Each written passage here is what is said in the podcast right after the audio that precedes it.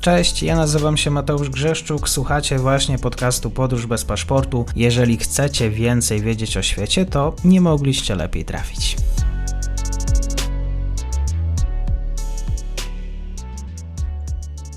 Dobry wieczór wszystkim słuchaczom, którzy słuchają nas jeszcze w czwartek. Dzień dobry wszystkim, którzy sięgną po materiał w piątek.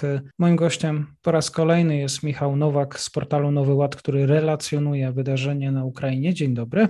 Dzień dobry panu i witam państwa. Od czasu naszej ostatniej rozmowy sporo się zmieniło. Jakbym mógł Cię prosić właśnie o taką skondensowaną pigułkę, ale też nie bójmy się rozszerzyć niektórych wątków, jeżeli uważasz za stosowne, co się działo na granicy rosyjsko-ukraińskiej, nie tylko już na granicy. Tak, jeżeli chodzi o kwestie frontowe, to do chwili obecnej nadal wojska rosyjskie nie zdołały przełamać obrony ukraińskiej w okolicach Charkowa, więc ta strefa frontu wschodnia póki co nie uległa większym zmianom, natomiast wojskom rosyjskim udało zająć się miasto Sumy leżące e, na północ od Charkowa, więc mamy pewnego rodzaju przełamanie, natomiast sytuacja jeszcze na tym odcinku dla wojsk ukraińskich nie jest katastrofalna. Pytanie też, na ile ta, ta ofensywa na tym odcinku wojsk rosyjskich jest ofensywą e, pełnoskalową, czy nie jest po prostu E, atakiem pozorowanym mającym na celu związać znaczne siły ukraińskie. Zupełnie inaczej sytuacja wygląda na południu, tak jak wspominałem wcześniej,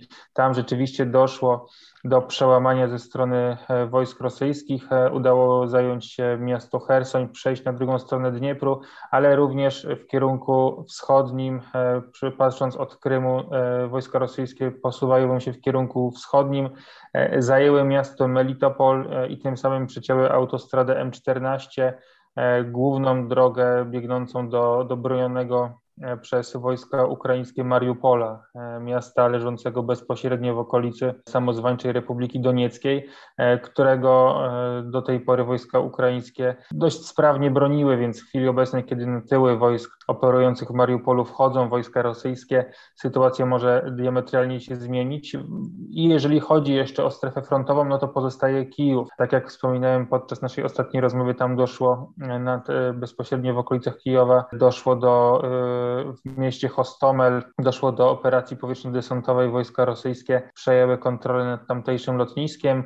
E, jeżeli chodzi o, o kontrnatarcie wojsk ukraińskich, bo to zostało przeprowadzone całkiem niedawno, do, docierają do nas różne komunikaty, e, zarówno takie hurra optymistyczne, twierdzące, że wojska ukraińskie zdołały odbić lotnisko, a wojska e, rosyjskie zostały zniszczone. Natomiast takie bardziej realne raporty mówią o tym, że cały czas walki o Hostomel i o to lotnisko trwają, więc nie mamy jeszcze zwycięzcy. Jeżeli chodzi o komunikaty, które do nas docierają, to strona ukraińska przedstawiła dość niedawno komunikat, w myśl którego spodziewają się oni E, w nocy kolejnych uderzeń, w tym kolejnych operacji powietrzno-desantowych i z ostatnich komunikatów dotyczących strefy wojennej, bo co jest e, z mojego punktu widzenia najistotniejsze, e, to jest operacja morska, morska operacja desantowa na południe od Odessy, gdzie wojska rosyjskie zdołały zająć niewielką wyspę no, określoną mianem Wyspy Węży, E, ale może być ona punktem wyjścia do ewentualnej dalszej ofensywy na północ i próby desantowania się w okolicach Odessy. E, więc patrząc e, tak pełnoskalowo, wydaje się, że na kierunku południowym, gdzie ta ofensywa wojsk rosyjskich była najbardziej zaawansowana, wojska rosyjskie odniosły względny sukces, to jest zdołały przekroczyć linię Dniepru, która stanowiła taką naturalną przeszkodę dla wojsk atakujących E, i wchodzą na tyły wojsk rosyjskich e, operujących e, w Donbasie, przede wszystkim w okolicach Mariupola. Niestety z perspektywy wojsk rosyjskich, w sytuacji gdyby wojska z perspektywy wojsk ukraińskich, gdyby wojska rosyjskie zdecydowały się na dalszy marsz w kierunku północnym, czyli w kierunku Zaporoża, Dniepropietrowska i gdyby udało zająć się Charków, no to wtedy będzie już całkiem realna perspektywa ewentualnego otoczenia znacznych sił ukraińskich w rejonie Don Donbasu. To jest to, to wtedy prawdopodobnie wojska e, ukraińskie będą musiały czym prędzej wycofać się e, na zachód. Tak naprawdę też do końca nie jesteśmy w stanie potwierdzić wszelkich informacji, które do nas docierają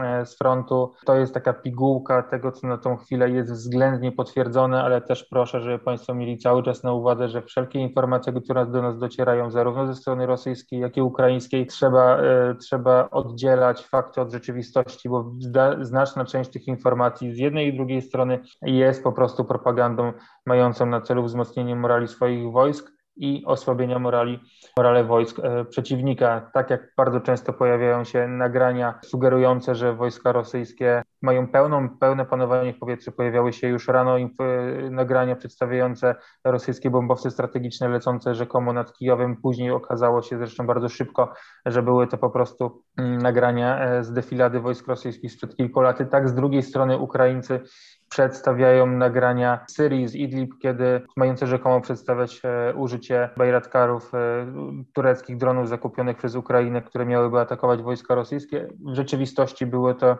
użycie tych dronów przez same wojska tureckie w Idlib w 2020 roku przeciwko wojskom syryjskim. Dlatego po prostu zaznaczam, że musimy wszyscy jako obserwatorzy tego konfliktu, państwo jako odbiorcy tych informacji zawsze próbować weryfikować to z rzeczywistością.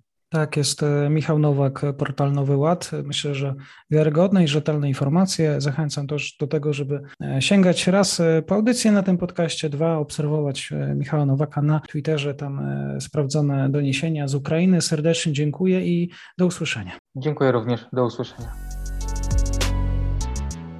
I to już koniec na dzisiaj. Zapraszam na profil podcastu Podróż bez paszportu na Facebooku, Instagramie i Twitterze. Zachęcam też do wsparcia mojej pracy na serwisie Patronite oraz Buy Coffee. Do usłyszenia.